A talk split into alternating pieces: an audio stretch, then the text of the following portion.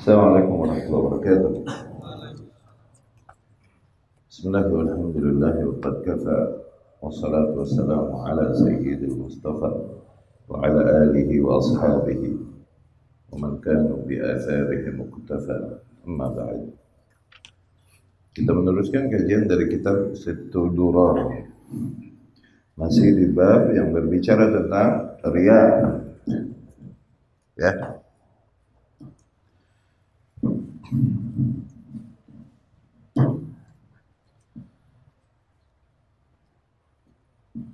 Sebagaimana tauhid itu bertentangan dengan kesyirikan, maka keikhlasan itu bertentangan dengan ria, ya.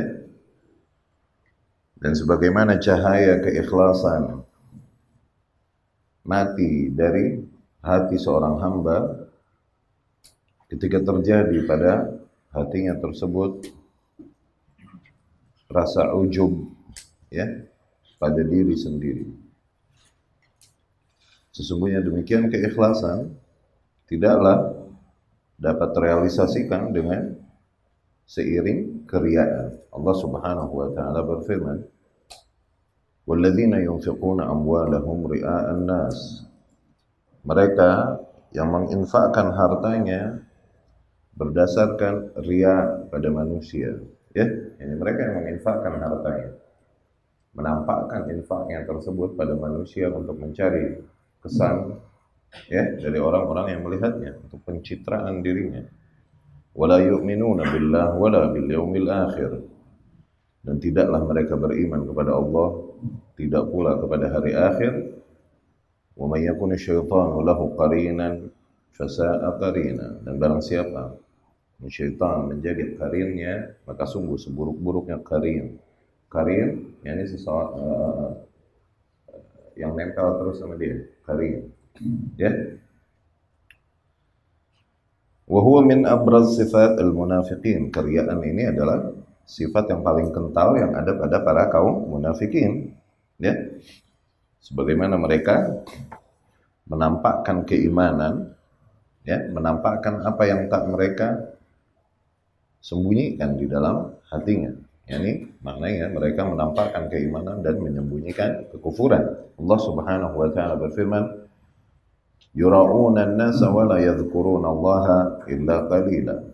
Mereka riya pada manusia dan tidaklah mereka mengingat Allah kecuali hanya sedikit, ya. Maka kesyirikan merusak amalan semuanya sebagaimana riya merusak amalan. Awas. Riya hanya yang terjadi pada hati seorang mukmin ria yang terjadi pada hati seorang mukmin itu hanya merusak amalan yang di situ terjadi ria. Tidak merusak amalan-amalan lain yang ikhlas, insya Allah. Ya, berbeda dengan syirik. Syirik pada sebuah amalan, maka udah, yang lain angus. Pahala kita angus totally. Makanya dibilang ria adalah syirik al-asghar, syirik yang kecil. Kenapa? Efeknya sama seperti syirik, menghancurkan amalan, bikin amalan kita hangus. Bedanya ria hanya menghanguskan amalan yang di situ terjadi ria. Amalan-amalan lain yang tidak terjadi ria nggak hangus, insya Allah. Tapi kesyirikan efektif, menghancurkan semua amalan saleh yang telah dikumpulkan seorang hamba. Ya, kemudian sampai kepada ta'rif al-ikhlas, definisi ikhlas, oke? Okay?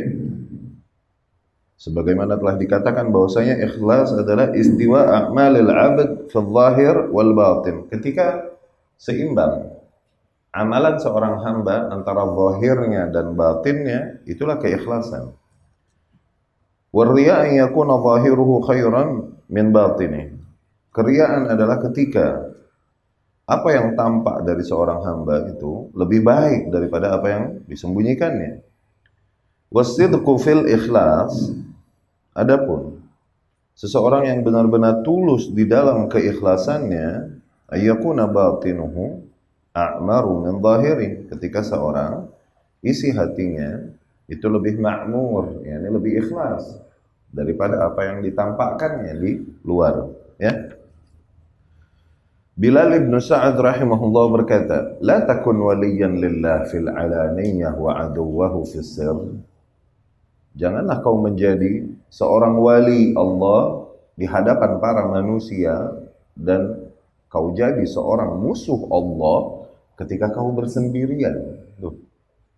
Yani di hadapan manusia kau menampakkan kesolehan yang luar biasa, namun di balik itu semua kau ternyata adalah musuhnya Allah Subhanahu wa ta'ala dengan kemungkaran-kemungkaran yang kau lakukan. Wa ta'rif al-akhir lisidq muntaza'un min mithli qaulillah ta'ala. Ya. Definisi terakhir dari ketulusan demikian itu diambil intisarinya dari firman Allah Subhanahu wa taala. Wa in tukhfuha wa tu'tuha al-fuqara fa huwa khairul lakum. Hmm. Di mana Allah berfirman tentang sedekah, ya. Wa in tubdu sadaqat fa ni'mahi. Apabila kau tampakkan sedekahmu, maka betapa nikmatnya hal tersebut. Wa in tukhfuha wa tu'tuha al-fuqara. Namun apabila kau sembunyikan dan kau berikan kepada orang-orang yang membutuhkan, fahuwa khairul lakum, maka itu lebih baik bagi kalian. Yani di sini ada di ayat itu sebagaimana pernah kita katakan bahwasanya ada peluang dibenarkannya di dalam syariat seorang hamba menampakkan amalan ketika ada urgensinya. Seperti seseorang yang menampakkan sodakoh yang dia lakukan dengan tujuan untuk mendidik anaknya. Tuh. Ya, ada education di situ, ada tarbiyah. Maka itu baik. Ni'mahi, betapa nikmatnya hal tersebut. Orang lain yang mengikutinya itu akan mengalir pahalanya padanya, ya. Ini menjadi motivasi di hadapan orang lain agar melakukan hal yang sama, ya.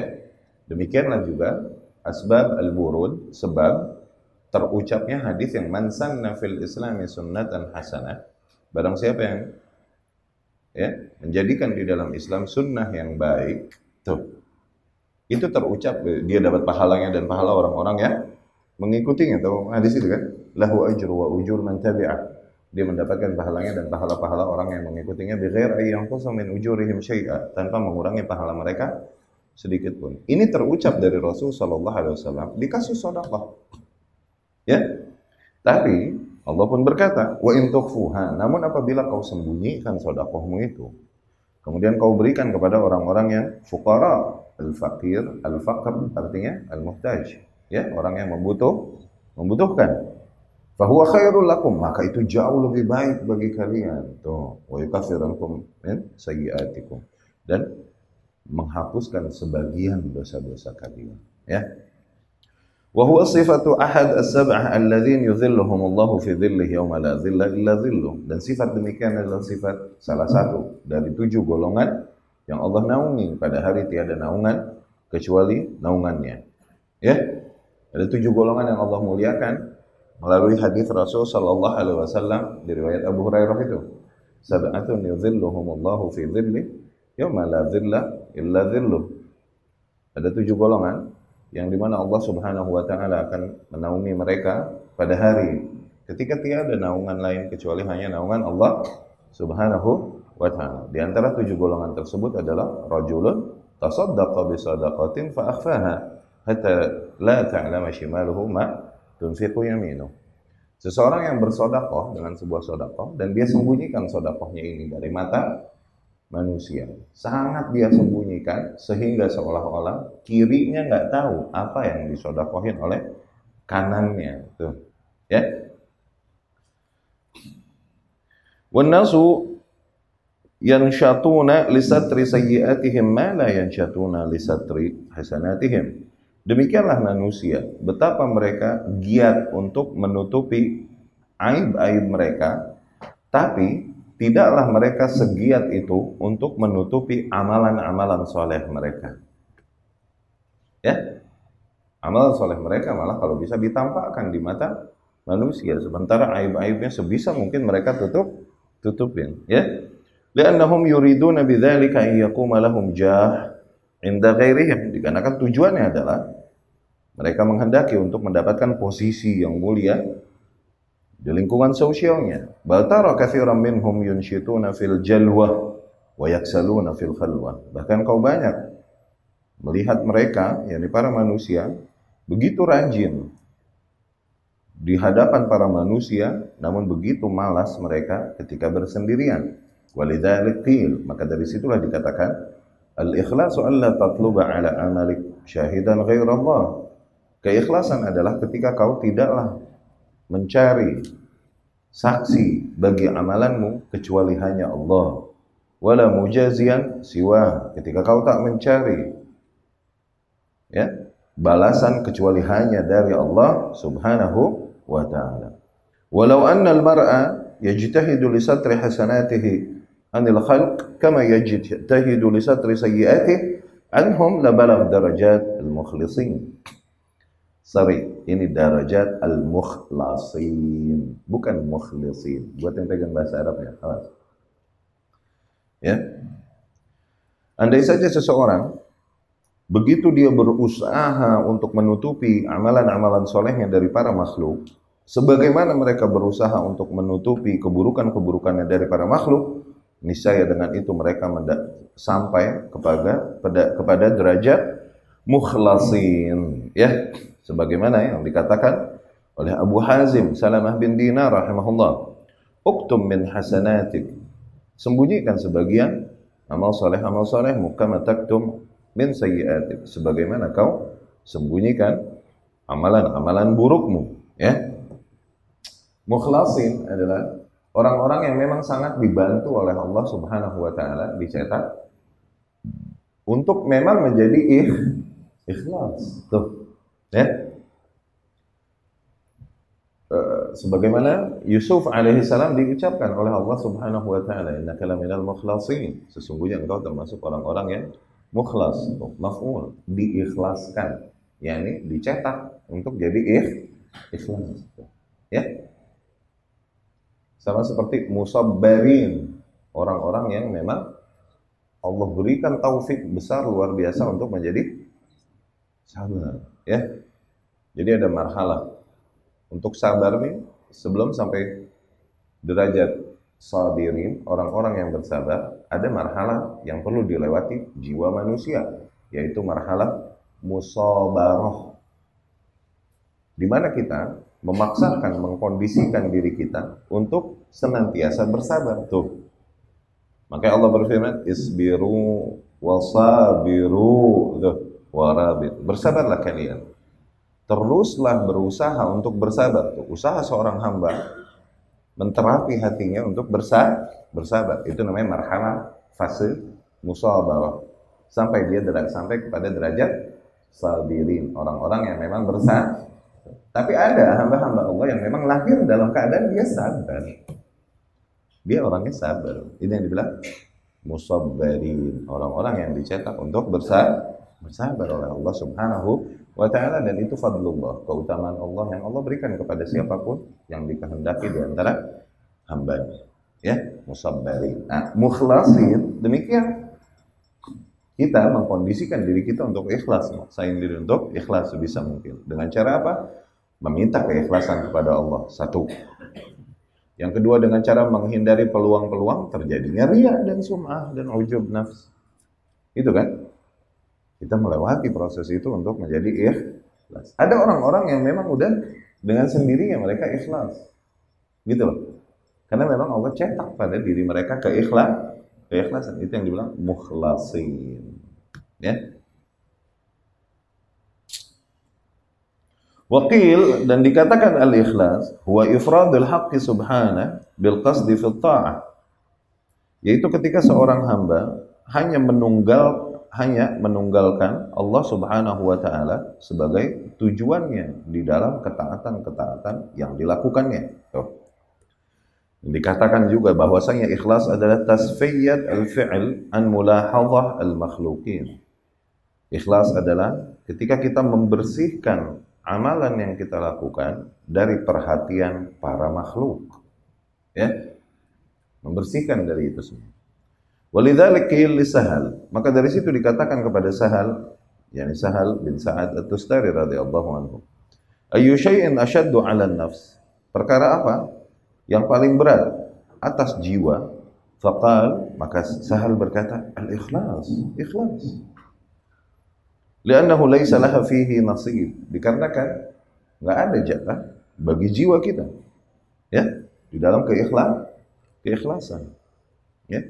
Ini keikhlasan adalah sesuatu yang memang diusahakan oleh seorang hamba.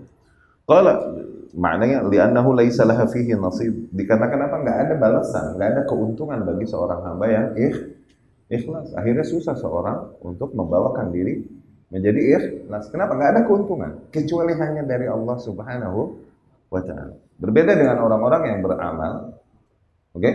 pencitraan dan lain-lain, memang dia mendapatkan keuntungan dari apa yang dia tampakkan dari kebaikan-kebaikan, amal saleh yang dia lakukan dan lain-lain. Supaya apa? Manusia menempatkannya di posisi-posisi mulia dan itu ada balasan di dunia. Termotivasilah seseorang untuk melakukan amal tersebut demi mendapatkan gitu. Tapi orang yang ikhlas nggak ada balasannya. Ya ini nggak ada balasan-balasan duniawi ya.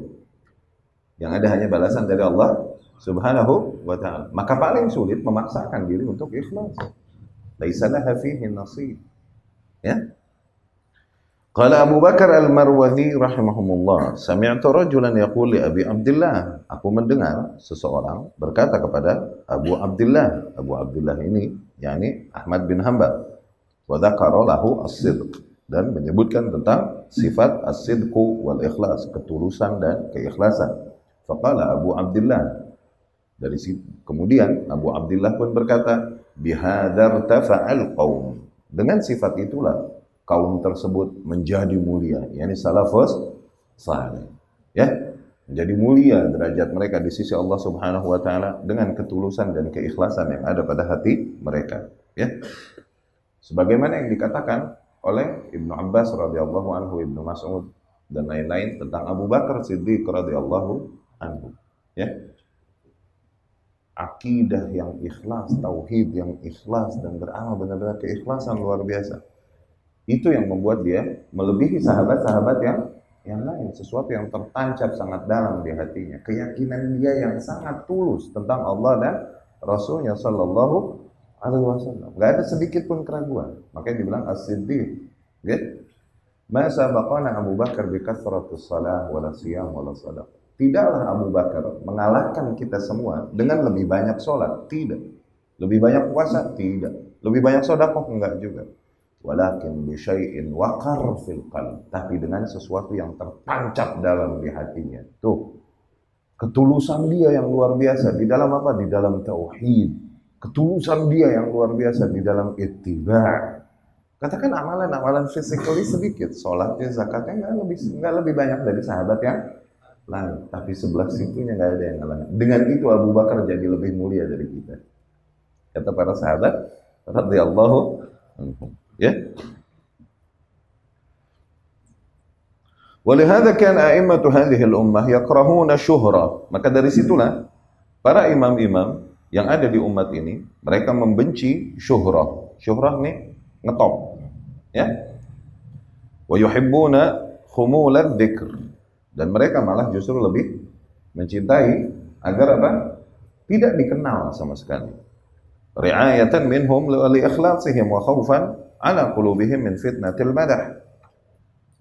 Tujuannya adalah untuk menjaga ya diri mereka menjaga kadar keikhlasan mereka dan berangkat dari kewaspadaan mereka untuk menjaga hati mereka dari fitnah pujian-pujian.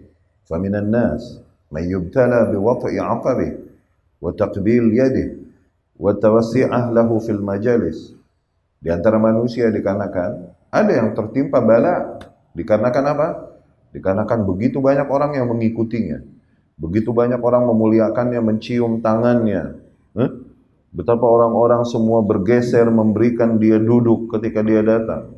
Isyarah ilaihi biddu'a raja barakati. Dan di mana para manusia okay, eh, berdoa mengharapkan keberkahan darinya. Wa nahwi Dan hal-hal demikian yang menjadi bala, ujian bagi seseorang.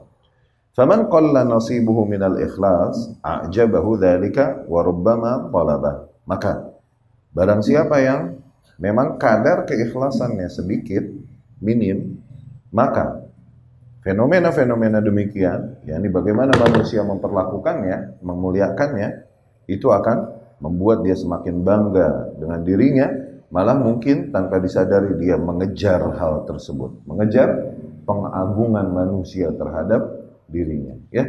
Ma'azallah, semoga Allah Subhanahu wa taala berikan kita keikhlasan dalam amalan dan perbuatan dan ucapan yang kita sampaikan. Allahumma rizukna al-ikhlas fil a'mal wal aqwal wa jannibna riya.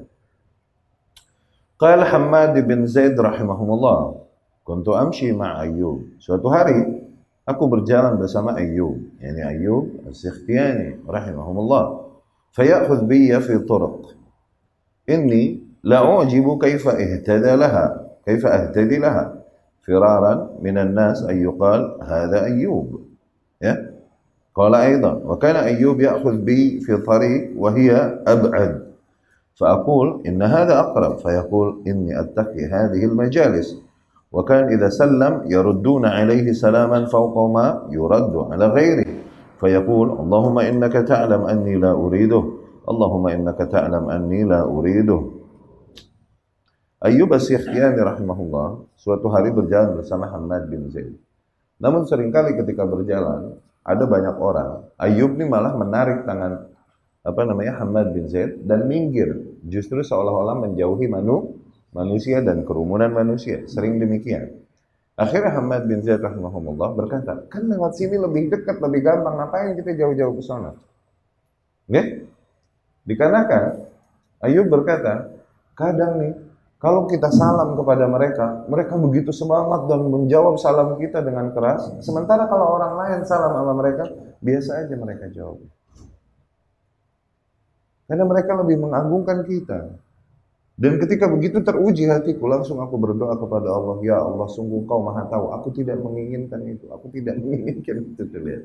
Betapa mereka menjaga keikhlas, keikhlasan. Ya. Waqala Abu Zur'ah, Yahya bin Abi Amr. Abu Zur'ah Yahya bin Abi Amr rahimahumullah berkata, "Kharaja Dhahak Ibnu Qais fastasqa bin nas." Dhahak Ibnu Qais keluar dan memimpin salat istisqa bagi manusia. Yani ketika itu berarti hujan enggak turun? Turun. Istasqa bin nas maknanya mengimami salat istisqa ya para manusia. Walam yumtaru tapi tetap aja nggak hujan-hujan. Walam yarau sahaban. Tidak juga mereka melihat mendung datang. Faqala Dhahab. Maka Dhahab pun berkata, Aina Yazid ibn al-Aswad? Mana Yazid ibn al-Aswad? Wa fi di dalam riwayat lain, falam yujibhu ahad. Nggak ada yang menjawab. Thumma qal, kemudian ia kembali berkata, Aina Yazid ibn al-Aswad al-Jurashi? Mana tu Yazid ibn al-Aswad al-Jurashi? azimtu alaihi in kan yasma' kalami illa qam. Ya. Apabila dia mendengar perkataanku, maka agar dia berdiri. Faqal, hadha ana. Akhirnya seseorang berkata, nih aku di sebelah sini.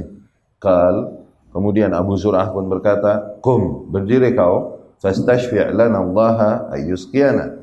Mintalah syafaat kepada Allah Subhanahu wa taala agar Allah menurunkan hujan atas kita. Faqam, maka Yazid pun berdiri fa'atafa bi ra'sihi ala min kabaihi wa hasara an dhira'aihi faqal Allahumma inna ibadak haula istashfa'u biyya ilaik. Maka Yazid pun berdiri. Kemudian dia dengan kepalanya, dia menundukkan kepalanya dan kemudian mengulurkan tangannya kepada Allah Subhanahu wa taala dan dia berkata, Wahai Allah, sesungguhnya hamba-hambamu, mereka meminta pertolongan kepadamu melaluiku ya Rabb. Fama da'a illa untuk apa? Untuk diturunkan hujan atas mereka. Kemudian tidaklah Yazid berdoa sampai tiga kali kecuali tahu-tahu udah hujan. Dengan hujan yang begitu besar kadu yaghriquna minhu hampir mereka tenggelam. Tuh ini mubalaghah. Hiperbolis di bahasa Arab. Yani hujan yang begitu lebat luar biasa. Pada Yazid berdoa belum nyampe tiga kali mengangkat tangan berdoa bilang Allahumma Allahumma Allahumma. Zaid tahu udah hujan gitu. Iya kan Thumma qal, kemudian ia berkata, "Inna hadha qad shahharani fa'arihni minhu." Fama labitha ba'da dhalik illa jum'ah hatta mat. Nah orang demikian nggak mau dia syuhroh, akhirnya jadi bahan omongan kan? Jadi bahan omongan manusia. Oh dia masya Allah, masya Allah, tabarakallah. Begitu kan? Sesungguhnya kasus itu telah membuat syaharani, telah membuatku menjadi masyhur. Aku tidak menghendaki ini ya Rabb. Seminggu, nggak nyampe seminggu dia mati. Supaya nggak terkena fitnah syuhrah pada diri. Dan banyak nih cerita-cerita begini banyak. Orang-orang yang menghindari syuhrah. Ya. Allahumma rizqna al-ikhlas fil a'mal wal aqwal wa jannibna riyad. Ikhwani rahimakumullah. Ya, syuhrah. Apabila syuhrah tersebut kemudian dengan itu kita bisa membawakan hak kepada manusia, maka semoga menjadi bentuk pertolongan Allah Subhanahu wa taala. Tapi ketika syuhrah tersebut membuat kita lemah, membuat kita lemah dari mengingkari perkara-perkara yang harusnya kita ingkari. Membuat kita mengatakan menyeru kepada perkara-perkara malah ya sampai titik ini yang harusnya kita ingkari. Malah kita menyeru kepadanya. Dikarenakan apa? Pasar maunya ke arah sono. Itu fitnahnya syaitan. Ya? Maka semoga Allah Subhanahu wa taala berikan kita semua sabat baik dalam kondisi humu dan zikr ataupun syuhrah baik dikenal ataupun tidak dikenal manusia semoga Allah berikan kita keteguhan di atas yang hak. Ya. Allahul musta'an. Wa ajma' ta'rif lil ikhlas dan definisi ikhlas yang paling lengkap adalah yang pernah aku baca kata Syekh Ar-Ramadhani hafizahullah. Wa jami' li syatat ma sabaq huwa maqalahu Abu Uthman. Definisi ikhlas yang mengumpulkan nilai-nilai yang telah kita sebutkan sebelumnya adalah definisi yang sebagaimana disebutkan oleh Abu Uthman Sa'id bin Ismail rahimahumullah. Ia berkata, Sidqul ikhlas nisyanu ru'yatil khalqi li dawamin nazar ilal khaliq. Ya, ajib. Eh? Oh, belum terjemahin ya? Lupa. Ketulusan di dalam keikhlasan adalah ketika seseorang benar-benar lupa dari pandangan para makhluk dikarenakan dawam atau selalunya dia memandang kepada sang khaliq sehingga dia lupa dari mata manusia dikarenakan perhatiannya selalu tertuju kepada Allah Subhanahu wa taala. Wal ikhlas an turida biqalbik wa amalik wa fi'lik ridha Allah taala khaufan min sakhatillah. Dan keikhlasan adalah ketika kau kehendaki dengan hatimu, amalanmu, aktivitasmu, kau hanya kehendaki keridhaan Allah Subhanahu wa taala berangkat dari takutmu kepada murka-murka Allah Subhanahu wa taala. Ka'annaka tara, seolah-olah kau dapat melihat Allah Subhanahu wa taala bihaqiqati amalik bi annahu yara. Dengan hakikat amalanmu ya, bahwasanya ia senantiasa melihatmu, yakni senantiasa Allah melihatmu. Hatta yadhhabar riya an qalbik Terus demikian sehingga kadar ria tersebut terhilangkan sama sekali dari hati dari hati kita. Ya. Yani seorang hamba yang berangkat dari takutnya kepada Allah Subhanahu wa taala. Perhatiannya yang hanya tertuju kepada Allah Subhanahu wa taala. Dia menyibukkan dirinya, aktivitasnya, apa pun yang dia lakukan hanya demi mengejar Allah sehingga lupa dia. Ada atau tidak makhluk yang ngeliatin dan merhatiin dia udah lupa. Udah nggak sama sekali nggak tersibukkan dengan itu. Ya? Dia totally hanya fokus kepada menyelamatkan dirinya dari murka-murka Allah Subhanahu wa taala dengan melakukan amalan-amalan saleh bagi Allah bagi Allah. Ya? Sehingga orang mau memujinya atau tidak mau melihatnya atau tidak udah nggak kepikiran. Nisyan ya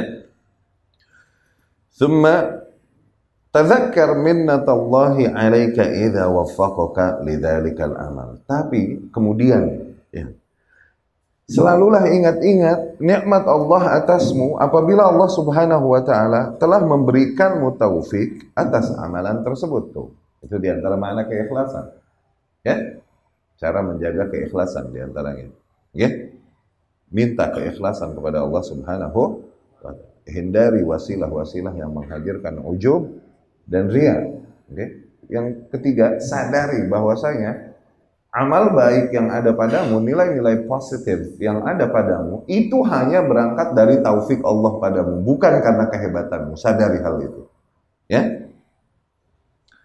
Idza waffaqaka lidzalikal amal hatta yadhhaba al-ujub min qalbik. Dengan begitu, ya, hilanglah rasa ujub dari dirimu. Wa tasta'mil ar-rifqa fi 'amalik sehingga kau berlembut di dalam amalanmu.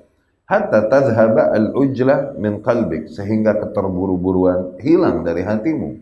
Ar-rifq di sini kelembutan di sini maknanya santai dan tenang. Maknanya itu. Ya, Lawan kata dari ujlah. Ujlah ini ajalah. Maksudnya rushing. Oke? Okay? Dengan begitu kau mengamalkan amalan-amalan solehmu dengan tenang dan khusyuk.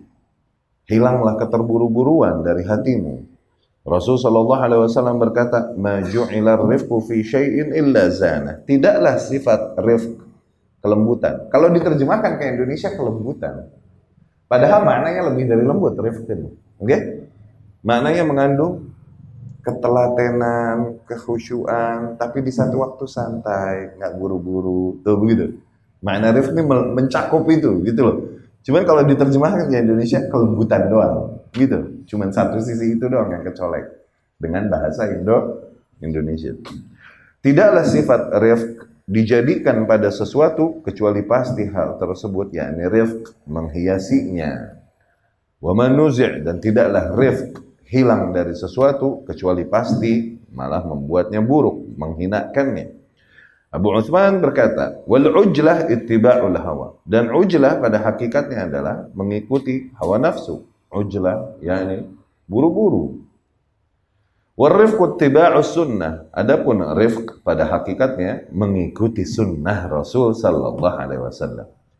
Fa idza faraghta min 'amalik وَجَلَّ jalla qalbu مِنَ اللَّهِ Allah ay yarudda 'alaika 'amalak fala yaqbalhu ya? Wajila qalbuka khaufan min Allahi 'alaika 'amalaka bukan wajalla tuh wajila dibacanya. Apabila kau telah menyelesaikan sebuah amalan okay, kemudian hatimu menjadi terenyuh malu huh, berangkat dari takutmu kepada Allah, khawatir apabila Allah menolak amalanmu dan tidak menerima amalan tersebut darimu. Allah Subhanahu wa taala berfirman, "Walladzina yu'tuna ma atau wa qulubuhum wajilah annahum ila rabbihim raji'un." Mereka yang senantiasa menginfakkan apa-apa yang mereka diberikan, yakni mereka yang senantiasa berbagi, ya senantiasa berbagi dari rizki yang diberikan pada mereka, senantiasa beramal saleh dari eh, kelebihan yang Allah Subhanahu wa taala berikan pada mereka baik sifatnya kesehatan dan lain-lain sehingga mereka dengan itu melakukan amal sa amal saleh. Yang melakukan apa pun berdasarkan apa yang didapatkannya dari Allah Subhanahu wa taala. Wa qulubuhum wajilah dan hati mereka berada dalam keadaan malu senantiasa bahwa menyadari bahwasanya mereka kelak akan kembali kepada Tuhan mereka annahum ila rabbihim raji'un ya. Wa man jamma hadhihi al-khisal al-arba'ah kana mukhlisan fi amalih insyaallah. Maka barang siapa yang mengumpulkan empat sifat tersebut maka insyaallah dia adalah orang yang ikhlas di dalam amalannya. Tuh yu'tuna ma atau wajilah. Kemudian rifq ya Wa ta'ammal hahuna kaifa ja'ala kaifa kaifa ju'ila ar-rifqu huwa ittiba'us sunnah. Dan coba perhatikan di sini bagaimana sifat rifq itu dinilai sebagai berittiba kepada sunnah. Wa dzalika anna nafsa tahwa asyan. Demikianlah dikarenakan jiwa pada dasarnya menginginkan banyak hal. Wa idza hawaitaha talabtaha ala ajal. Dan apabila kau menghendaki sesuatu, maka kau akan mengejar hal tersebut dengan segera. Lianna hadzaha fihi. Hawa la yaksur la yukassir suratahu illa at-ta'anni. Ya. Lianna fihi. Dikarenakan kepuasan jiwa tersebut ada pada apa yang dikehendakinya itu. Maka dengan sesegera seseorang akan mengejar apa yang dikehendaki. Dan hawa tersebut ya tidaklah dapat menahannya kecuali at-ta'anni. At-ta'anni ini ini pelan-pelan dan coba memperhatikan dengan baik. Itu ta'anni. Ya. Easy dan coba perhatikan dengan baik dan teliti. Ya. Wa bita'anni yatamakkan al-mar'u min muraqabah amalihi bi'ainis sunnah kay yuwafiqul haq. Dan dengan pelan-pelan demikian dengan mengerjakan sesuatu dengan tenang, maka seorang hamba bisa mengawasi amalan-amalan yang dilakukannya dengan ain as-sunnah, dengan mata sunnah, yakni dengan penilaian sunnah supaya apa? Apakah ini sesuai dengan sunnah atau tidak? Tuh lihat, Amalannya sedikit, pelan, nggak banyak, tapi dia teliti setiap amalannya tersebut sesuai nggak dengan sunnah Rasul Sallallahu Alaihi Wasallam. Agar sesuai dengan yang hak, la bi'ainil hawa, tidak dengan mata hawa nafsu, ya, hanya mengejar apa yang dikehendakinya dari Allah Subhanahu wa taala tanpa memperhatikan teknis yang dilakukannya ini sesuai atau tidak dengan yang diajarkan Rasulullah sallallahu alaihi wasallam. Maka arif dari sisi ini lebih sesuai dengan sunnah Rasul Sallallahu Alaihi Wasallam daripada ajalah daripada bersegera bersemangat dalam melakukan sebuah amal amalan. Walidzalika qala Ibrahim Al-Khawwas rahimahumullah. Ibrahim Al-Khawwas rahimahullah berkata, "Al-ujlah tamna' min isabatil haqq." Ketergesa-gesaan itu menghalangi manusia dari mendapatkan yang hak.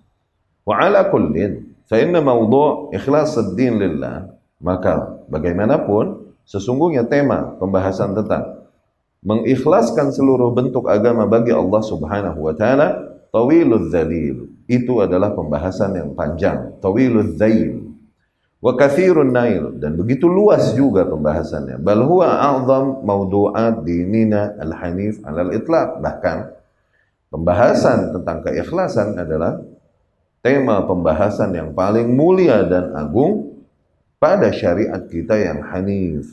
Innama ghardi huna huwa muhawalah al-ilmam bihi.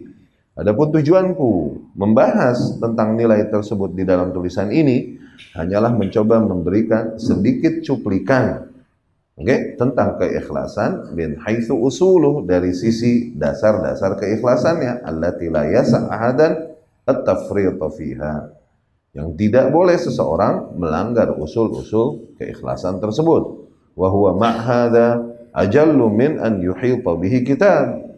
Namun tetap saja keikhlasan terlalu besar untuk dapat dibahas semuanya di dalam satu buku. Au yastau'ibahu khitab. Tidak tidak dapatlah tema keikhlasan yang begitu luas dan agung dibahas langsung selesai pada sebuah pembicaraan. Ya. Ini ungkapan dari Syekh Hafizahullah bahwasanya beliau Hafizahullah memasukkan pembahasan ikhlas ke dalam kitabnya ini, okay, bagaimanapun nggak bisa mencakup semua sisi keikhlasan. Dia hanya mencoba memberikan cuplikan usul-usul keikhlasan saja dan kemudian peranan keikhlasan dalam amalan dan kehidupan seorang seorang hamba. Hanya itu aja. Adapun perkara ikhlas sendiri, kalau mau dibahas dengan detail, nggak mungkin cukup satu buku. Nggak mungkin juga cukup satu pembicara pembicara. Ya. Azan. Tapi kita dengarkan dulu azan, kemudian kita lanjutkan.